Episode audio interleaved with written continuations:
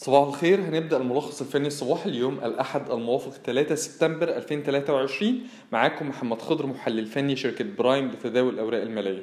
مؤشر EGX 30 بنرجح إن هو يعيد تاني تجربة مستوى دعمه السنوي عند ال 18500 قبل استهدافه لمستوى المقاومة عند 19500 مؤشر EGX 70 شايفين إن إذا تراجع لإعادة اختبار مستوى الدعم اللي هو كان المستوى مستوى المقاومة الرئيسي السابق عند 3770 دي بالنسبة لنا هتكون بمثابة فرصة لفتح مراكز شرائيه أو لشراء الانخفاضات للمتداول قصير المدى.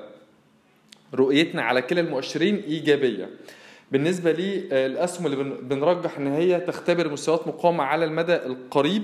أول حاجة عندنا اسكندرية لتداول الحاويات شايفين هي ممكن تستهدف ال 30 إلى 33 المجموعة المالية EFG القبضة بنرجح إن هي تستهدف أو تعيد تجربة منطقة المقاومة بين 16 60 إلى 16 90 أما بالنسبة للأسهم ممكن تختبر مستويات مقاومة ولكن على المدى القصير عندنا قرار الإسكان الجنيه 10 إلى الجنيه 15 دي منطقة المقاومة بنرجح إن هي تعيد تاني تجربتها. جنوب الوادي للاسمنت بنرجح إن هي تختبر الجنيه 65 إلى الجنيه 80 تالت حاجة عندنا يونيفرسال اللي بن اللي بنرجح إن هي تختبر منطقة المقاومة بين 65 ل 68 قرش بعد ما ارتفعت فيها حجم تداول بشكل كبير خلال تعاملات جلسة الخميس الماضي وكسرت مستوى مقاومة مهم أو منطقة مقاومة مهمة بين ال 50 ل 52 قرش وبالتالي بنرجح إن هي تختبر أو تستهدف ال 65 إلى 68 قرش منطقة المقاومة دي.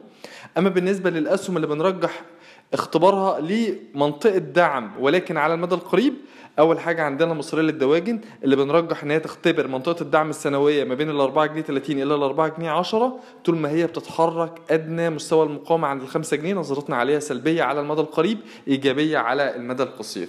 شكرا.